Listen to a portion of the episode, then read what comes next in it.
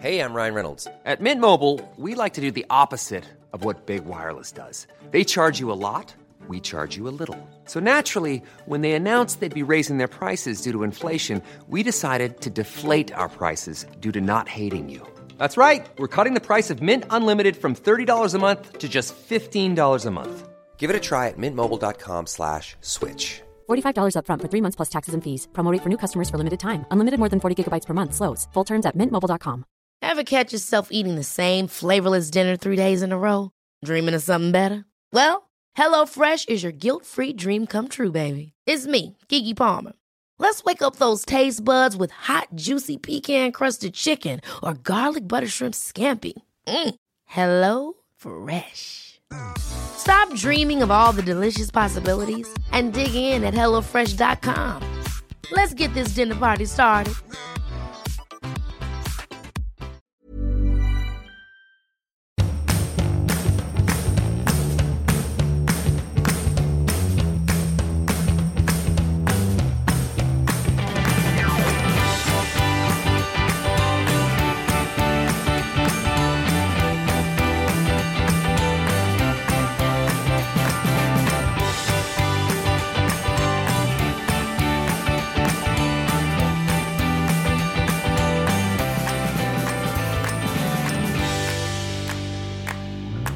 Det?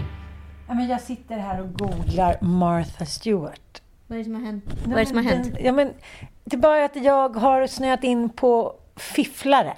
Vad innebär egentligen att vara en fifflare? Vad innebar det liksom för hundra år sedan och vad innebär det nu? Eh, man säger ofta benämner fifflare inom politiken. Han var en riktig fifflare, eller hon var en riktig fifflare. Eh, jag kan tycka att eh, Vanheden och Sickan i, i eh, Jönssonligan är klassiska fifflare. Men, men de är ju liksom misslyckade fifflare som i slutändan alltid ändå lyckas. Alltså de har, de har turen på sin sida. Men fifflare har ju ofta inte det. Nej men precis, för att börja med en stor eh, stilig plan som går åt helvete. Följeseld, vad är det där? Det är en plan. En lysande plan. En eh, fantastisk plan. Kanske den intressantaste plan vi någonsin gett oss i kast med. Men sen löser sig det ändå på något konstigt sätt. Även om det bidde en tumme så blir det en ganska bra tumme. Ja, men det är lite kling och klang-retoriken. Att så här, på något sätt så, de blir i och för sig, de blir aldrig lyckat för, men att de är liksom för korkade. Så att de har alltid en jävligt bra plan.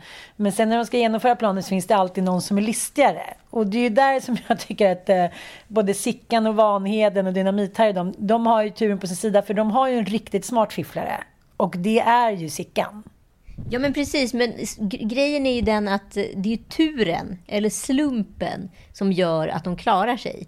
Det är alltid Doris som har gjort någonting som kommer till undsättning och råkar ta fel väska. Eller ja, men du förstår vad jag menar. Lite som när Lasse Åberg ska bre på hundralapparna i, i Sällskapsresan.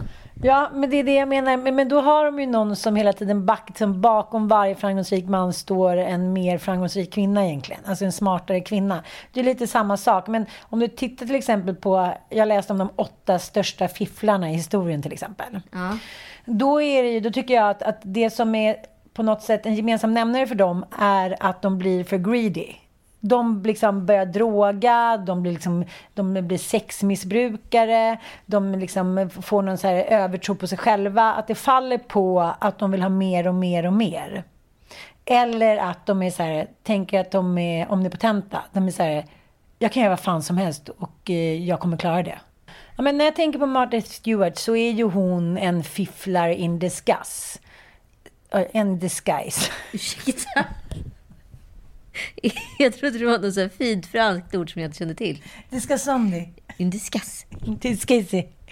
Nej men hon var ju perfekt. Hon liksom eh, inredde alla så här rika New York-bors hemma. Jag menar, hon hade ju liksom en kedja. Det har hon ju fortfarande. Ja, ja, ja. Och sen kom det ju fram att hon har så här överklassfifflat med jävligt mycket pengar. Ja, gud ja. Så att hon är, tycker jag, en spännande fifflare. Den, en mer klassisk fifflare är väl den så kallade bankfifflaren. Hur? Ja, men typ Wall Street-fifflaren. Det tycker jag liksom dyker upp ganska ofta. Som den här storsvindlaren Bernie Madoff. Och eh, för fem år sedan så hade han, jag vet inte vad det betyder, men Ponzi-bedrägeri då, att han in, liksom lurade sina investerare. Han bara men hittade på att det fanns affärer. För det finns en fond som investerar i det här. Ja, precis. Och eh, han investerade då i 65 miljarder dollar. Otroligt. Ja. Så, men det blev också jävligt sorgligt för det här eh, drabbade också hans son som tog sitt liv. Usch då. Mm. Och även två andra som han hade då lurat. Och det är jävligt roligt nu att han, eller roligt, han sitter alltså, vet du hur länge han ska sitta i fängelse för att ha lurat av eh, de här människorna pengar? Nej. 150 år. Ja, får vi hoppas att han överlever. det, det tror jag inte. När du tänker i fifflare, vad tänker du när jag säger ordet fifflare? Jag tycker, är vi inte alla lite småfifflare? Jo, men jag tycker att alla ska se den här Guldfeber på mm, SVT. Oh. Som handlar om stölden på myntkabinettet. Eh, där liksom chefen för myntkabinettet, liksom, ja, det börjar klia lite i fingrarna. Och grejen var att det var som orsak, liksom föranledde till det här. Det här hade ju aldrig uppdagats. Nej. Om det inte vore så att han var från början en passionerad frimärkssamlare och då hade suttit på någon frimärkssamlarmuseum, antikvariat etc. Och eh, tjuvat ner ett frimärke i fickan och det hade fångats på film. Och så uppdagades historien. Och när de då började ställa honom mot väggen allt mer så började det liksom brisera en bomb och det visar sig att det är 25 miljoner kronor i mynt som är svindlade. Han står inte för hela delen, det visar sig att det finns fler personer. Men ni måste se den här dokumentären. För jag tänker att så här, sitter du i kakburken och inte får äta, mm när du har ett intresse för kakor, då är det också svårt att inte provsmaka.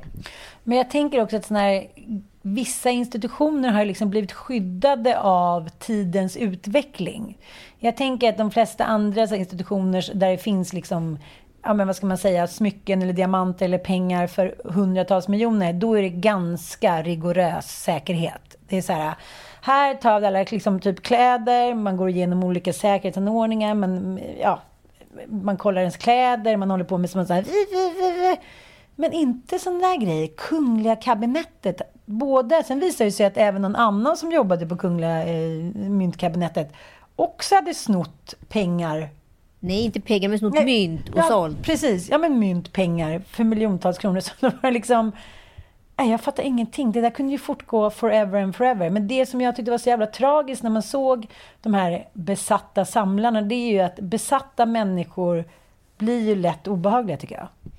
Ja, men så är det ju. Och det är det här som också så här skyddar nörden på något sätt. Att man liksom, att nörden kan liksom lätt Alltså alla som har sett Robinson vet ju hur lätt det är att skapa ett nytt universum. Mm. Och lätt få med sig... Eh, alltså vissa personer är ju bara ledare och andra är följare. Så är det. Så är människan, människan konstruerad. Så att det är inte svårt att få med sig folk om du har fått en ledarposition och blivit betrodd i den. Nej, men jag kan också tycka att i ett av avsnitten så ser man då vad han såklart har gjort för pengarna inom citationstecken. Och han har inte gjort någonting. Det finns ju så 200 dyra skjortor som inte ens öppnade ur sin plast till exempel. Nej, men han var ju bara shopaholic. Ja, han ville liksom bara... Hårda. Ja, men jag kan känna igen mig i den där känslan när man känner sig ensam eller man känner sig inte sedd eller liknande eller någonting, ja, men överhuvudtaget någonting känns jobbigt, då är, börjar jag ganska lätt horda. Och det kan ju vara lite vad som helst. Erkänner du nu? ja, men vadå, har jag inte erkänt det? Nej, jag har varit i total förnekelse under alla dessa år. Jaha, okej, okay, men nu kan jag verkligen erkänna, men det är väldigt tydligt. Jag ser det ju... Det är ju psykisk ohälsa. Ja, men jag ser ju utifrån att det no när någonting gör ont, ja.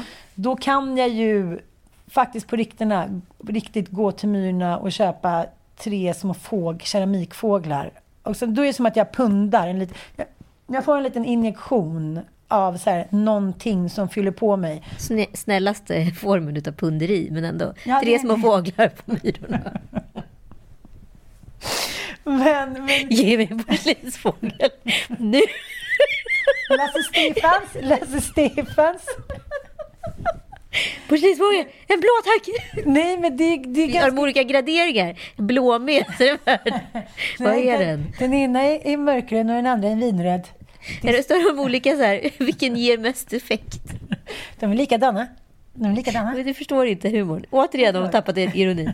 Ändå är jag rolig. Ja, ändå verkligen. Nej, men det jag menar är att det är en studie i ensamma människor som inte kan spegla sig. Ja, men så är det ju. Och jag, jag kan ju själv känna igen mig i liksom det där... Eh, när jag mår psykiskt dåligt, då börjar jag ju shoppa. Då fyller jag ju på det där lilla lejongapet som med liksom materiella ting. Och det kan man ju tycka, det är väldigt lätt att se människor som mår psykiskt dåligt. Antingen så börjar de fixa med sitt utseende extremt mycket eller så börjar de shoppa maniskt mycket. Jag kommer ihåg en tjej som förlorade sin bror liksom i, i ett våldsbrott. Hon började ju liksom samla på Christian Louboutin-skor som bara låg i lådor utan att hon packade upp dem. Alltså det är en sån Ja, typisk fattar. eh, grej. Liksom. Och ja, men det som är skillnaden mellan någon som mår psykiskt dåligt och, och fyller i täpper igen det här hålet temporärt och någon som är en fifflare, det är ju att den här, den här kanske inte mår speciellt dåligt utav det. Det är ju det som är den stora skillnaden. Ja, men Den jag- fylls ju upp av det. Nej, men jag menar, alla människor som samlar på grejer är ju inte kokoloko. Men, men det var som någon krönikör skrev, att, att man har försökt att samla så många gånger, för man tyckte att det var attraktivt med människor som samlade på saker. Jag försökte ju samla på Men den har vi väl alla varit inne Jo, jag vet. Jag hade mina, där, mina små böcker med frimärken. Men, men man märker ju ganska tidigt om man är en människa som bara blir besatt av en grej. Och så är ju inte jag. Jag vill ju liksom ha samla på mycket olika. Ja, framförallt stolar. Ja, precis. Ja, det kanske är ungefär samma sak i och för sig. Men, men det som är så sorgligt är med den här mannen, tycker jag, att allting har igen virvlat ihop sig i hans huvud och blivit en lögn. Han har ju beskrivit sig själv som han då uppvuxen ur en mycket burgen bakgrund. Mamman jobbade på konsulatet och ambassaden och pappa. Men sen visade det sig att han har bott liksom, inte, jag behöver inte säga sketen, men i en vanlig tvåa på Gärdet. Ja. Och han kan liksom inte... Hans lögner och sanning har under årens lopp liksom... De har gift sig med varandra, så jag tror inte han vet själv. Och det finns ett ögonblick när han går förbi och så smeker han då tavlan, oljemålningen på sin mammas kind och så säger han det här kanske låter lite märkligt men varje dag innan jag går ut så smeker jag lilla mamma på kinden och varje dag när jag går hem, kommer hem så säger jag hej till lilla mamma och smeker henne på kinden och man bara så här "Åh." Men ingen jävel har sagt honom för han har inte haft någon fru eller några barn eller några kompisar som sagt så här det där är som galenskap nu älskling. Nu får du söka hjälp. Utan han, det där är hans verklighet. Det, Men han har gått in i sin liksom, lilla bubbla. Och där han har skapat sitt lilla universum och det är ingen som dömer honom i det. Nej, men jag tycker också att när man ser hela den här dokumentärserien så visar det sig också att det blir som att alla är småfifflare, för ingen har i slutändan riktigt lyckats. Även han, den där gamle samlaren som säger så här, på 70 80-talet åkte jag Concorde, jag brände liksom omsatte 560 miljoner ett år, jag var i New York, jag var i Havanna hit och dit. Och nu sitter han liksom utan tänder, också i någon typ sketen tvåa. Nej, men förstår du vad jag menar? Och det tycker jag på något sätt är samlarens personlighet, att innerst inne är hen en ganska ensam person som genom samlandet då ska hitta sin inre trygghet. Ja. Jag, jag, kan liksom, jag, jag, jag är ju besatt utav samlare. Alltså jag älskar ju det programmet, så här, Maniska Hoarders, kommer du ihåg det?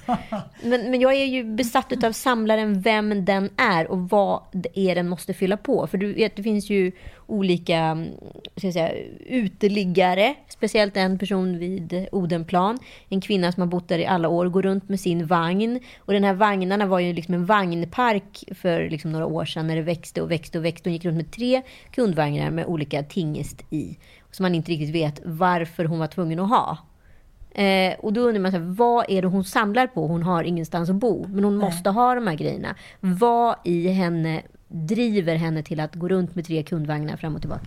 Men jag tycker inte det är så himla konstigt. Om man ska kolla på historiens liksom, utveckling så börjar det med att vara nomader. Det enda vi gjorde hela dagarna, vi hade ett ganska göttigt liv. Vi gick omkring på, ja, ofta en strand och vi samlade lite snäckor, vi fångade lite fiskar. Samla, samla, samla. Vi samlade inför vintern så skulle vi överleva. Samlade vi inte så dog vi. Ja, men så är det ju. Men Och det är klart att det finns i vårt DNA. Det är som alla säger, vi ska utvecklas inom loppet av 100 år, men vi har inte utvecklats, våra hjärnor har inte utvecklats på 30 000 år. Varför skulle inte samlarmänniskan i oss var ganska stark. Nej, men det är det som är så intressant. För här, om, man nu, nu, om vi nu pratar bort det ekonomiska för att inte låta för liksom, bort, verklighetsfrånvänd. Det är inte det, jag, inte det jag försöker göra. Utan jag försöker... Fem små fåglar satt på en gren, en ramlade ner. Så han är denna sann. Nej, men det behöver absolut Nej! inte handla om dyra grejer. Nej, men det som är intressant med en uteliggare person som har valt att gå från samhällets normer, eller ofrivilligt valt eller icke, det är ändå någon form av person som vill, inte vill infinna sig i leden.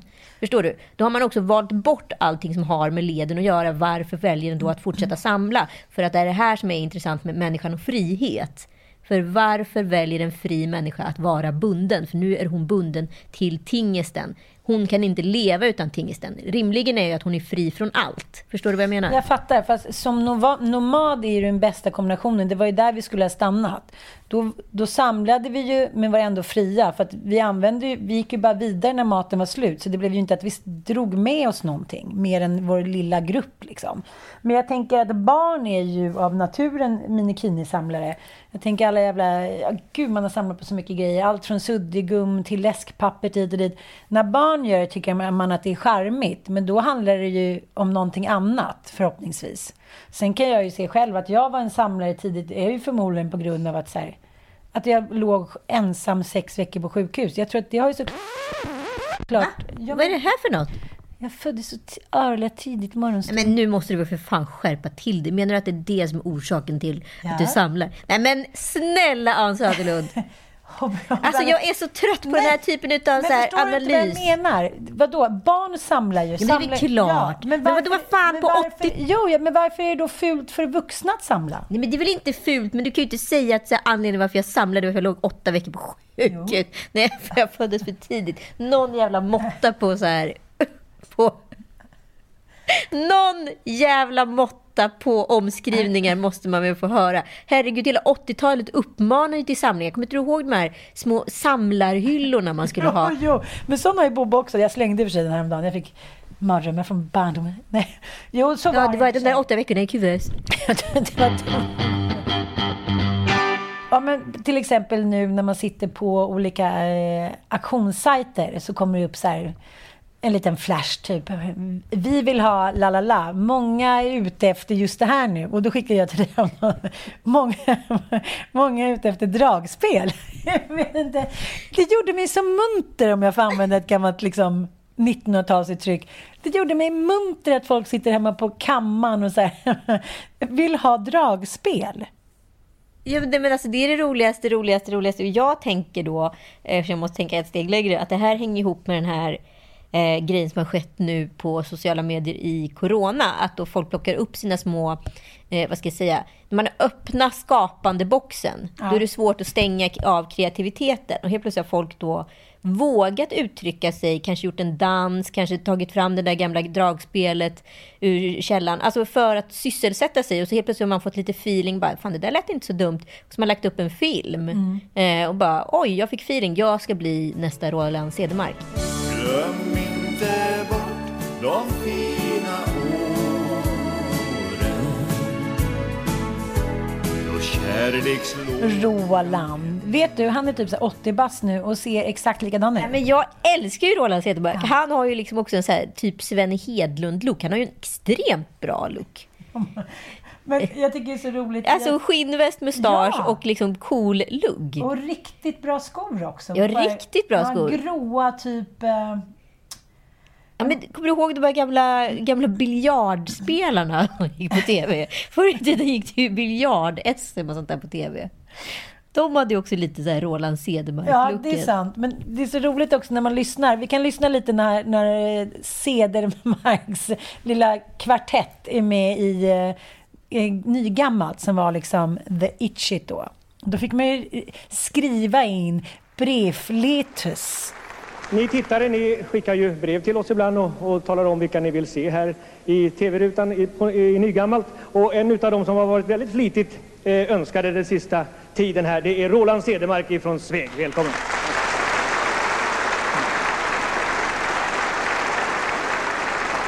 Gladspeleman på dragspel. Ja, det är väl rätt att säga. Det är rätt. Eh, nu har Roland med sig en eh, trio här bakom sig som inte går av för hacker. Roffe Berg, välkommen. Välkommen. Gitarr. Pelle Höbinger som spelar trummor. Och jag får väl gå ner så Bengt Hansson på basen syns. Välkommen Bengt. Och nu så ska det bli något svängigt. Ja, vi tar Alexander Ragtime. Det gör vi. Det här är vår uppväxt. Ja, så gamla är vi. Eller ja. Nej men alltså, jag visar ju nu, Tom Allan har ju då, han har ju, äh, min son är ju lite, det är inte diagnostiserat men jag är väldigt säker. Han kan inte knyta skorna men han kan allt om Gustav Vasa, han kan prata flytande engelska och så kan han allt om Adolf Hitler. Och några gubbar Hilda till. Birgitta. Och just nu är det Michael Jackson, vad ska man göra åt det där? Han är helt besatt av Michael Jackson. Jag vill ju inte liksom spoil his world. Men vad, vad får han det Nej, men jag har ifrån? ingen aning. Nej, men så nu sitter vi och kollar på Hermans historia. Och de här Herman Lindqvist-programmen, de är ju från liksom, de är ju nästan lika gamla som Gustav Vasa själv. Eh, och han går ju runt med någon form av knallblå eller knallröd glasögonbåge i plast. Och går runt och pratar på sig, sin ny, puttriga, nymodiga svenska. Och så är det alltid någonting med Månsdotter att göra. Den där gamla frillan som blev drottning av Sverige. Och då sa Karin Månsdotter, hon hade jävligt mycket att säga till om den där Karin Månsdotter. Eller så skarvade han jättemycket. Skit samma. Han är ju en historiefifflare av rang. Han är ju en historiefilmare Ja, av rang. ja. Herregud, det var ingen som kunde särskåda honom på den tiden. eller? Sen har han ju liksom klarat sig för att han är en duktig författare och 98 procent har ju någon form av källa. Men de andra två har han ju liksom Ann Söderlund höftat lite. Verkligen Ann Söderhund. Lund. Söderhund. Söderhund. På Söderhundsön, där Ann Söderhund bodde.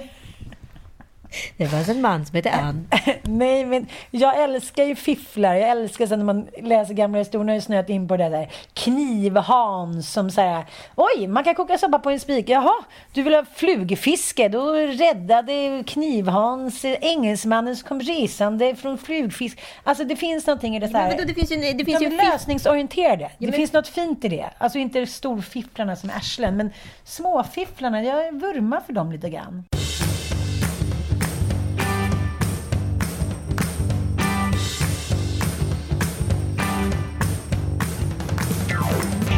Ni lyssnar återigen på Lillelördag och eh, den här veckan så har vi en fin, fin sponsor, nämligen Best Secret. Just det, det här tipsade vi om f- veckan innan och det är, jag hoppas att flera av er har registrerat er. Själv har jag nämligen gått loss den här veckan och köpt en jäkla massa härliga barnkläder.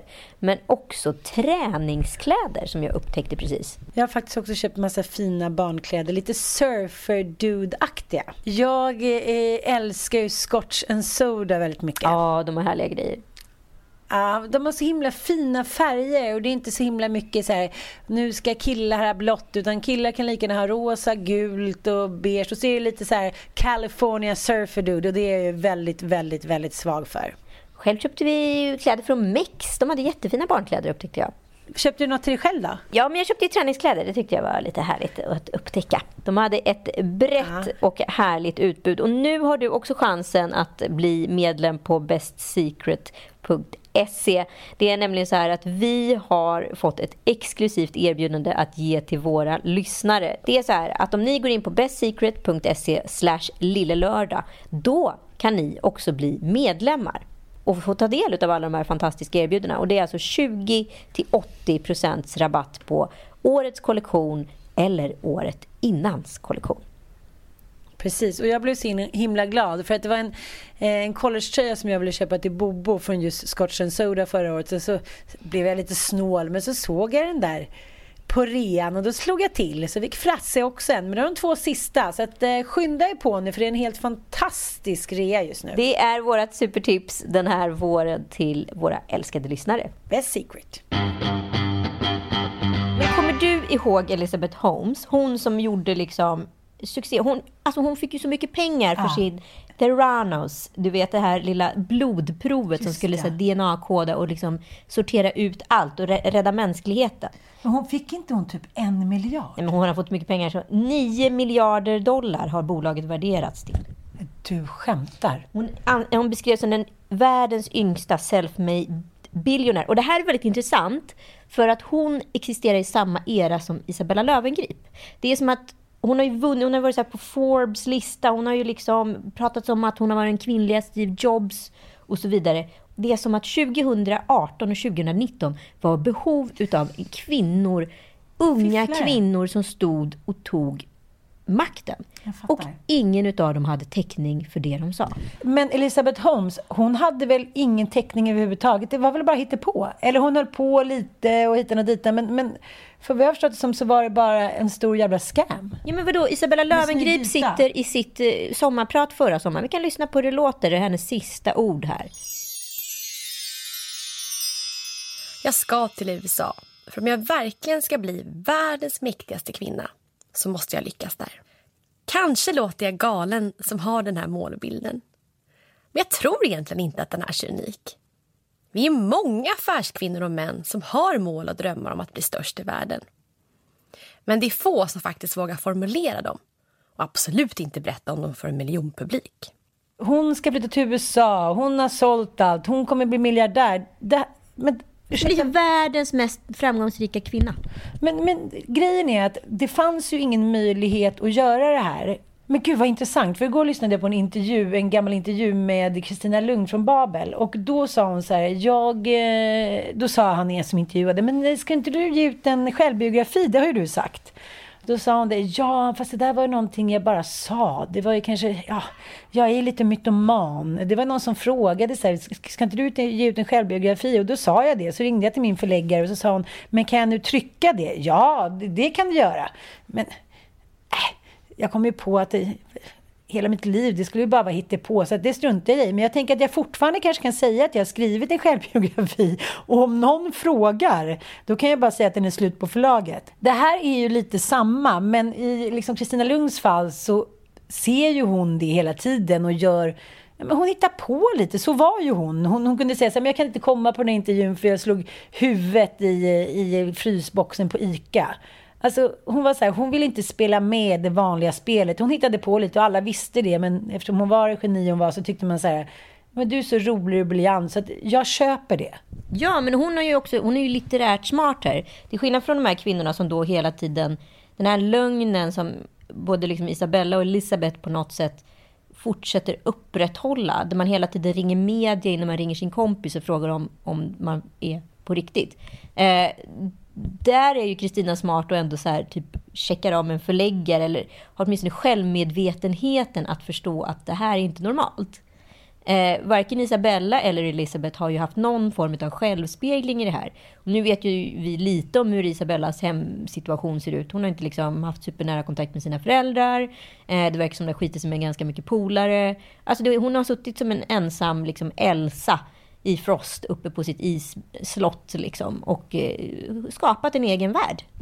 Men, och ingen har valt att här, säga till henne att det här kommer inte hålla. Fast jag, jag kan tycka att det där, jag kan förstå liksom hela hennes, vad ska jag säga, hennes, det är samma betingelse där. Att man inte har någon som ser efter en, man har ingen som speglar en, man har ingen som är så här, men hörru du Anson. Och det där kan du väl själv känna igen dig lite grann i?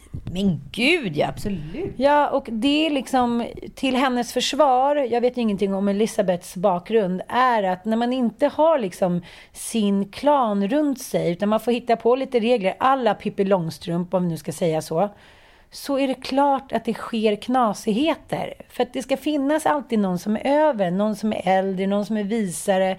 Och det är lite som Kristina Lund säger också, att så här, det räcker ju inte med att bara vara förälder. Man måste ju vara en klok och smart förälder också. Man kan ju inte bara skämma bort dem.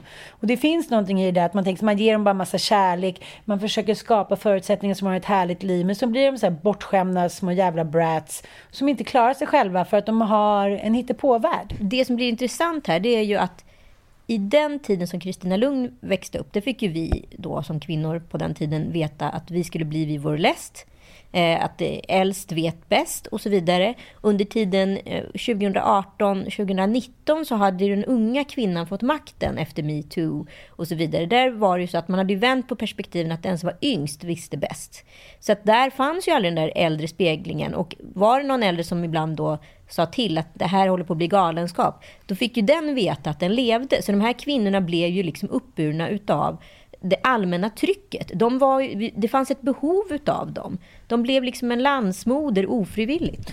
Men jag måste också dra snabba paralleller till Tiger Woods. Ja, men vänta. Isabella Löwengrip blev ändå affär, alltså affärsvärldens liksom mäktigaste kvinna inom näringslivet. En fucking jävla googling bort! en googling bort och hon inte hade blivit det. Alltså så är det ju. Hennes bolag omsatte inte så liksom, mer än vilket annat bolag inom hennes industri som helst. Fanns inga pengar, det fanns jävla mycket luft liksom. Så snälla, söta rara, jag vill veta. Det är inte så, det, inte, var inte så att det var ett enväldigt beslut. Hur har de här diskussionerna gått? Varför valde man henne? Jo, för att samtiden var i ett behov av henne. Ja, så att jag tycker så här, alla spelar med. Alla har liksom skuld, tycker jag. 100 procent. Och det blir också väldigt tydligt, tycker jag, när man också ganska hårt och drastiskt blir nerputtad från sin tron.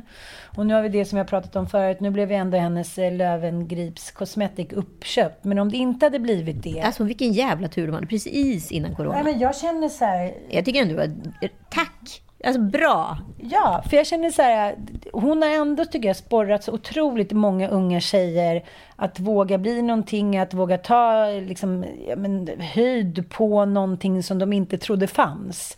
Så att jag kan ändå känna så här, hon har ju i alla fall slitit jävligt hårt. Sen så tänker jag så här, man umgås med miljardärer, man börjar knulla med miljardärer. Eh, man får kanske indikationer av miljardärer att de backar en. Och så plötsligt så står man helt själv. Och har man då inte liksom La Familia, som du och jag inte heller har.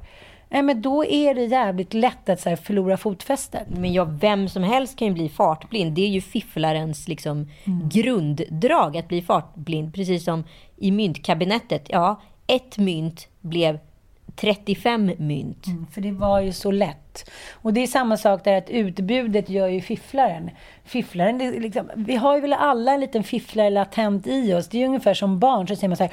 Lilla Pelle, tog du Anders liksom eh, bil? Och då kanske det är så här, Anders hade 633 bilar och Pelle hade en. Det är klart att han är där hemma. Varför slinker inte en liten bil ner i fickan? Det är fullt förklarligt. Apropå fiffleri. Det finns känslomässigt fiffleri också. Det är det här som jag funderar på. Det här det uppstod nämligen ett bråk i helgen. Eh, hemma vid, hemma vid. Och det, blev, det är faktiskt ganska intressant bråk. För det finns två rätt och två fel här. Har du bestämt? Nej, men jag tror det. För jag var tvungen att provtrycka det med några vänner faktiskt. För att jag var så här, jag vet inte vad som är rätt och fel här. Och det kanske inte finns ett rätt och fel. Men eh, vi, vi tar ändå incidenten så, Ja. så liksom, eh, kan vi diskutera den. Hur som helst, vi firade tre år förra veckan. Jag och min kära sambo. Eh, och han ger mig då en, eh, en vandring på Kebnekaise. Jättefint ju. Ja, så bra Ja. affär. Eh, Present. så, så, vad sa du? Så bra business alltså. Så bra present. Älskar vandringssägner. Ja, det ska bli intressant. Eh, Eller blev du glad? Ja, men jag blev jätteglad. Alltså, det är verkligen en dröm. Jag, min dröm är ju att vandra liksom, eh, norska fjordfjällen eller typ Kebnekaise.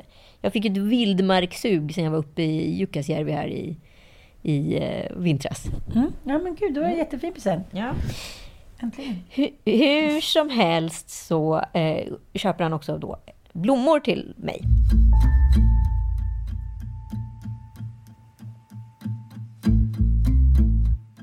Och de här blommorna är ett knippe pioner eh, som stoppas i någon rosvas i panik för att gömma dem för mig. Och sen så flyttas de inte från den där pionvasen. Grunden är, jag tycker jättemycket om pioner, det är inte det. Jag, jag kan tycka så här att man köper blommor Joel kommer gärna hem med antingen liljor eller ett knippe pioner. Alltså det är aldrig liksom att det är en bukett. Eller köper han en bukett så ser jag att han har köpt buketten på ICA. Förstår du? Det finns ingen kärlek i buketten. Jag fattar. Det är bara en handling av plikt. Ja, exakt. Så här, Kvinnor gillar blommor, då köper jag blommor. Alltså det är så enkelt. Jag har ansträngt mig, står det i hans huvud. Eh, och jag köper ansträngningen, jag tycker den är fin. Det är en fin gest. Eh, men jag blir också sårad utav att ansträngningen är så begränsad. Han vet att det vackraste och underbaraste som gör mig så lycklig på jorden, det är en bukett från en blomsteraffär här i Stockholm. Som heter Brun och de sätter upp de vackraste buketterna på jorden. Det ser ut som att någon har varit ute på en sommaräng och liksom plockat blomma för blomma med omtanke och sen knutit den här buketten och satt ihop. Och de här buketterna får jag ganska ofta av mina tjejkompisar utav olika anledningar. Mm. Och det, det gör mig så lycklig, så lycklig, så lycklig. Men utav honom får jag inte en sån bukett, utan får jag en, en enhetlig bukett med pioner eller med liljor. Och jag tycker inte om liljor, men det vågar jag inte säga till honom. För jag blir ändå glad för handlingen. Men nu rann det över. För att jag upptäckte då att den här pionbuketten som då hade fått då förvisats till en liten avskild hylla. För jag hade redan en brunbukett på bordet. Eh, då hade slut på vatten och de här pionerna hade gått från knopp till 100% vissna direkt.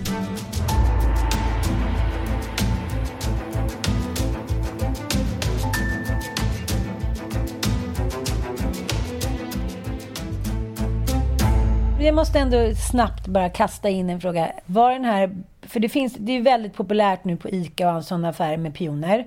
Så då köper man ganska fina pioner för typ 89 kronor. Eller hade han varit på en blomsteraffär? Han säger att han har varit på en blomsteraffär och köpt de här. Men de var ju liksom bara ett knippe med väldigt mycket blad.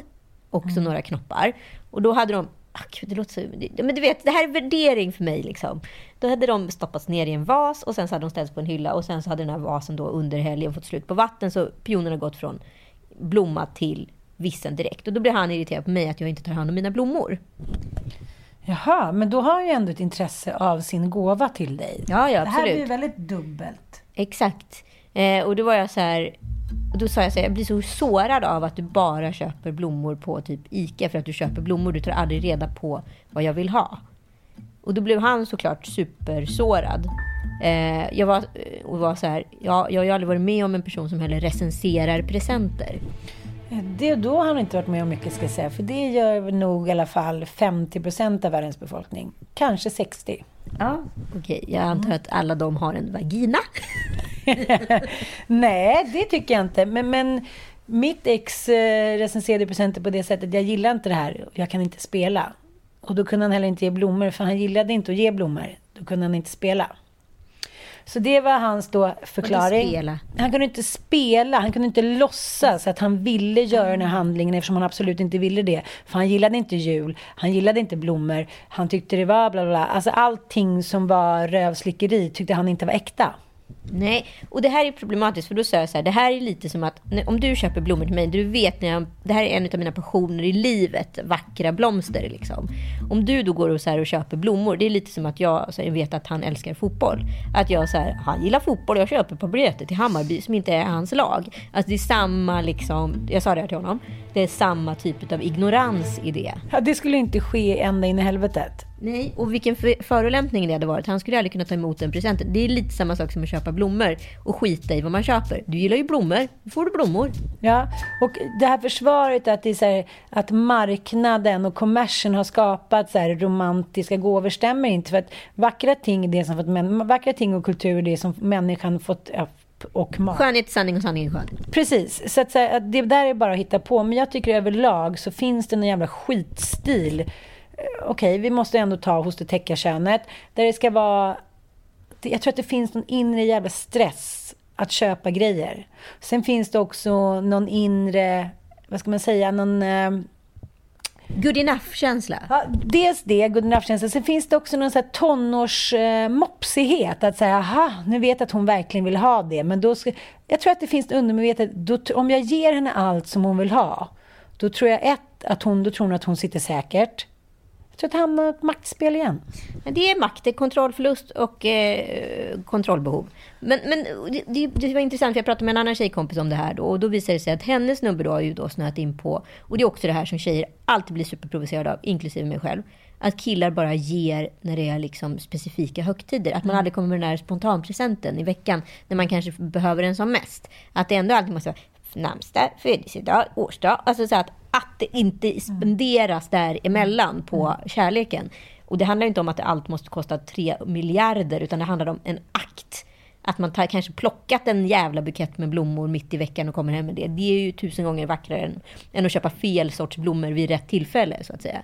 Men det är ju deras, eh, alltså försvaret som alltid, alltid återkommer. Ett, det, jag ville köpa något jättedyrt men gjorde inte det. Två, jag var på väg men så var det någonting som hände på vägen. En buskis, någon ramlade, en banan slank fram, jag ska halka ett bananskal. Alltså det är de. Tre, eh, Att, liksom, att det kanske... Du blir alltid så besviken när jag så, får som press för att du... prestationsångesten. Och då tänker jag lite så här, jag tycker att just det vi pratar om nu gör att eh, liksom hela befolkningen, hälften av befolkningen i världen idiotförklaras. För en kompis till mig skickade till mig häromdagen, jag är så trött, vi har varit uppe hela natten, jag försöker få min man att förstå allt det jag gör. Att det här kommer inte gratis, att det är härlig mat eller fint hemma, eller att jag fixar med hans barn som egentligen inte är mina, bla bla bla. Jag är så jävla trött för, på att jag inte kan få en jävla uppskattning för det. Men nu går jag här och köper, när jag köp, köper mina pioner, förresten, reapris på ICA nu, 49 typ kronor. Och då skickar jag tillbaka en så här rutten solros, och jag bara, och den här köpte jag till mig. Alltså det är lite så här, ännu en sak som vi förenas i. Vi stod i köket för hundra år sedan och drog i grytorna och männen var ute och liksom pippade med andra på Berns. Det är lite så här, ja, vi. Att vi ska, ska vi då bara konstatera att det är så karaslokar är? Då, I'm not in baby, I'm out. Jag bara lite så här, vad är liksom... För det känns ju lite som minsta motståndets lag här. Risken finns nu också att det här har blivit en enorm kränkning hos honom. Jag fattar. Ja, så att nu kanske risken finns att han då inte vågar köpa blommor alls. Fast det är också en skitursäkt. Då är det lite så här, okej, okay, om kvinnor, så här, om 99 av 100 kvinnor gillar den buketten, den väskan, bla bla bla, så här, men köp det då. då. Jag pratade med en annan väninna om det här och frågade hur hon och hennes man hade löst det med presenter. Det visade sig att han har då snöat in på eh, ett specifikt ämne som mm. han älskar. Vi kan, säga att, vi kan säga att det är en stad mm. som den här mannen tycker väldigt mycket om. Och eh, det har tagits massa vackra bilder från den här staden under årens lopp. Hon har inget intresse i den här staden. Men mannen har då börjat varje födelsedag, årsdag och så vidare har han specialbeställt något porträtt från 60-talet signerat av den här till henne i födelsedagspresent. Fast egentligen är ju det en present till honom. Det är en gammal klassiker. Det är en gammal klassiker. Vi gjorde en sketch om det här i Mammor med mig och David Sundin där jag fyller år och han ger mig presenter. För det är en återkommande grej. Kvinnor får så fruktansvärt usla presenter mm. av sina män. Stekpannor, dammsugarpåsar, abonnemang, alltså vi har, we name it all. Liksom. Och det slutar med den här eh, sketchen att eh, huvudpresenten som då frun, det vill säga jag tror är en bil, är en åkergräsklippare som han springer ut och glatt och provkör direkt. Så han har ju också då köpt presenter bara till sig, men då kamouflerat ja. det med henne. Ja, men ja, den kommer jag ihåg. Ja. Ja, nej, men och så är det ju också mycket. Att man får presenter som man egentligen vill ha själv. Jo, jag fattar. Men jag tror också så här, jag måste ju också liksom banna mig själv lite som jag är den mest tacksamma presentkvinnan i världshistorien. Så jag kommer ihåg i början då när Mattias gjorde lite överraskningar, köpte någon present och min tacksamhet liksom, den var så överdriven i paritet till gåvan. Att det blev liksom pinsamt för honom. Han var så här, okej, okay, du har fått tre par trosor och en liten parfym från typ Victoria's Secret. Och du, så här, vadå, uh, du strösslade rosenblad på golvet och nej, julade. De här presenterna var så lycklig hit och dit. Och han hade varit tillsammans med en ganska liksom foxy tjej innan och fick väl slita hårt för att liksom få ihop någon liten gåva. Så då tror jag att jag själv också satte lite liksom den väldigt låga ribban på 2-3 millimeter. Att så här, fan hon verkar vara en ny tacka hur man än är lite. Och jag tror att det också kan ha smittat av sig på allt möjligt. Allt från liksom hur man älskar till man hjälper till med ungarna. Du stönade för högt första veckan. Ja, men liksom för tacksam. För tacksam. För mm. kåt, glad och tacksam. Är alltså inte bra. Nej, jag tror på det. Du har dina tre första veckorna. Då är du the general bitch. Liksom, du är älskvärd, men du är också så här, ah, men fucking, du är Coco fucking Chanel. Ja, man sätter standarden för relationen ja. där. Satan vad de tjatade på den där spetiga kvinnan som borströkte och få vara ihop med henne. Hon var liksom så älskad. Men hon satte sina spelregler själv och det är väl det man ska bestämma sig för redan från när man är liten, alla Pennyish style. Om det är någon gång i livet man ska fiffla så är det fan mig med kärlek de första tre veckorna. Mm, det är verkligen kärleksfifflaren. En del i en ny tv-serie av Ann och Anita. Jaha, du sa utav Ann, sa du bara. Fifflar du bort mig? apropå det här, och så kom ju då såklart, när man då har satt igång snöbollen av bråk runt det här ämnet, kommer ju en annan grej upp. Och då var det också så här, en gång så bjöd jag dig på restaurang och då bytte du restaurang. Så jag har inte vågat bjuda ut dig. Då blir man ju lite så här, men herregud, hur lättkränkt kan väl en människa vara? I, i, vad är det med den manliga sårbarheten runt detta?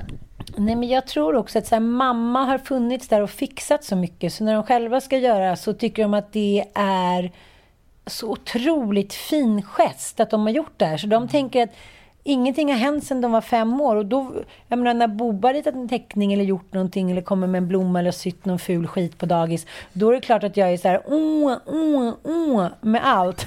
Så har du sytt någon ful skit på det. Som alla som då har också ritat upp så här 500 ark av Michael Jackson-teckningar. Alltså så här, alltså hur, och vet du vad han sa till mig förra veckan? Du tittar mycket mer på Pennys TikTok än du tittar på mina teckningar. Jag bara, men dina kommer i kvantitet. Den kommer liksom En. en var tredje dag med kvalitet. Det är en jävla skillnad. Men jag Förstår du sårbarheten? Jag förstår, men jag tycker också att men om vi nu ska gå tillbaka till Kristina Lugn som ändå på något sätt eh, understryker att man ska vara en klok fifflare, som är samma sak som att vara en klok förälder, så måste man ju också ibland avdechiffrera då hur till exempel det ser ut i syskonställningen. liksom. Som i morse då när, när Bobo säger så här, Gud, har Ilan ritat den här tavlan? Då var han alltså bara sju. Hmm. Alltså, alltså, ja, han, han är ju den som har varit verkligen bäst på att rita. Du, du är ju bra på mycket annat, men, men Elon var verkligen duktig på att rita. Ja, jag fattar. Det är ju ingen liksom, offentligt påhopp på, på, på Bobo om man lägger fram det så. Han blir ju inte sårad. Han ser ju själv. Det här är ju en, en, en art piece av, av en mästare. Medan han liksom, ja men små grejer hit och dit. De är ju gulliga, men de är som vilken sexåring som helst. Liksom. Så jag, jag tänkte på det också igår kväll när det var det stora fiskdramat vid Norrmalmstorg. Vad hände? Kan du återge det här på ett teatraliskt sätt? Kan vi få lite musik på det här? Eh, ja. Och så försök att vara väldigt tydlig i din återgivning.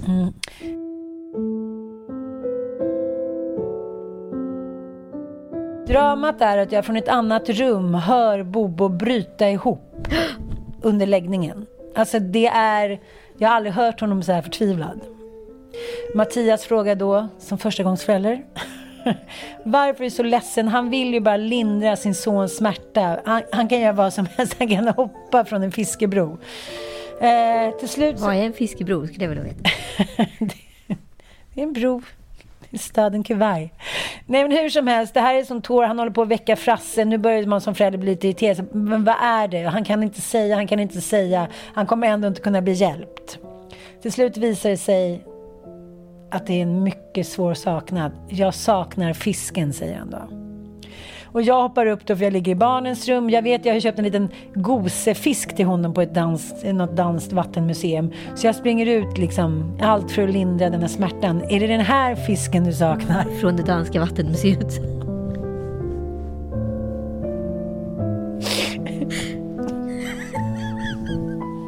Den dansken Usch. Hur som helst, det var inte den gose fisken i orange och grönt från Vattenmuseet utanför Köpenhamn. Utan, ja, då tänker vi så här, det var, är det Nemo? Vi vill liksom hitta en förklaring. Finns det någon bok? Nej. Efter mycket om och men, han flera gånger har sagt ni kommer inte kunna hjälpa, ni kommer inte kunna hjälpa mig. Han förstår att vi kanske kommer förlöjliga honom. Och till slut så börjar han skratta ut från andra rummet. Men jag är så här, nej jag måste respektera barnets känslor. Då är det alltså fisken som Ilon råkade kölhala på Gotland i somras som han har börjat sakna.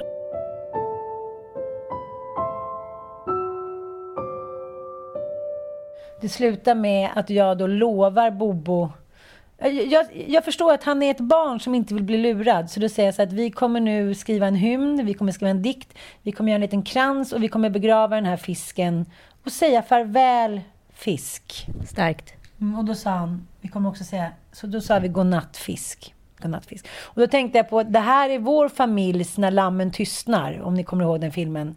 Det är det som Bobo kommer drömma om på nätterna. Det hela hans liv kommer gå ut på att han ska rädda mörtar. Det kommer ju också från min barndom. Såklart. När jag skulle rädda mörtar. Allt går igen. Cirkeln är sluten. Tack för idag. Tack för idag.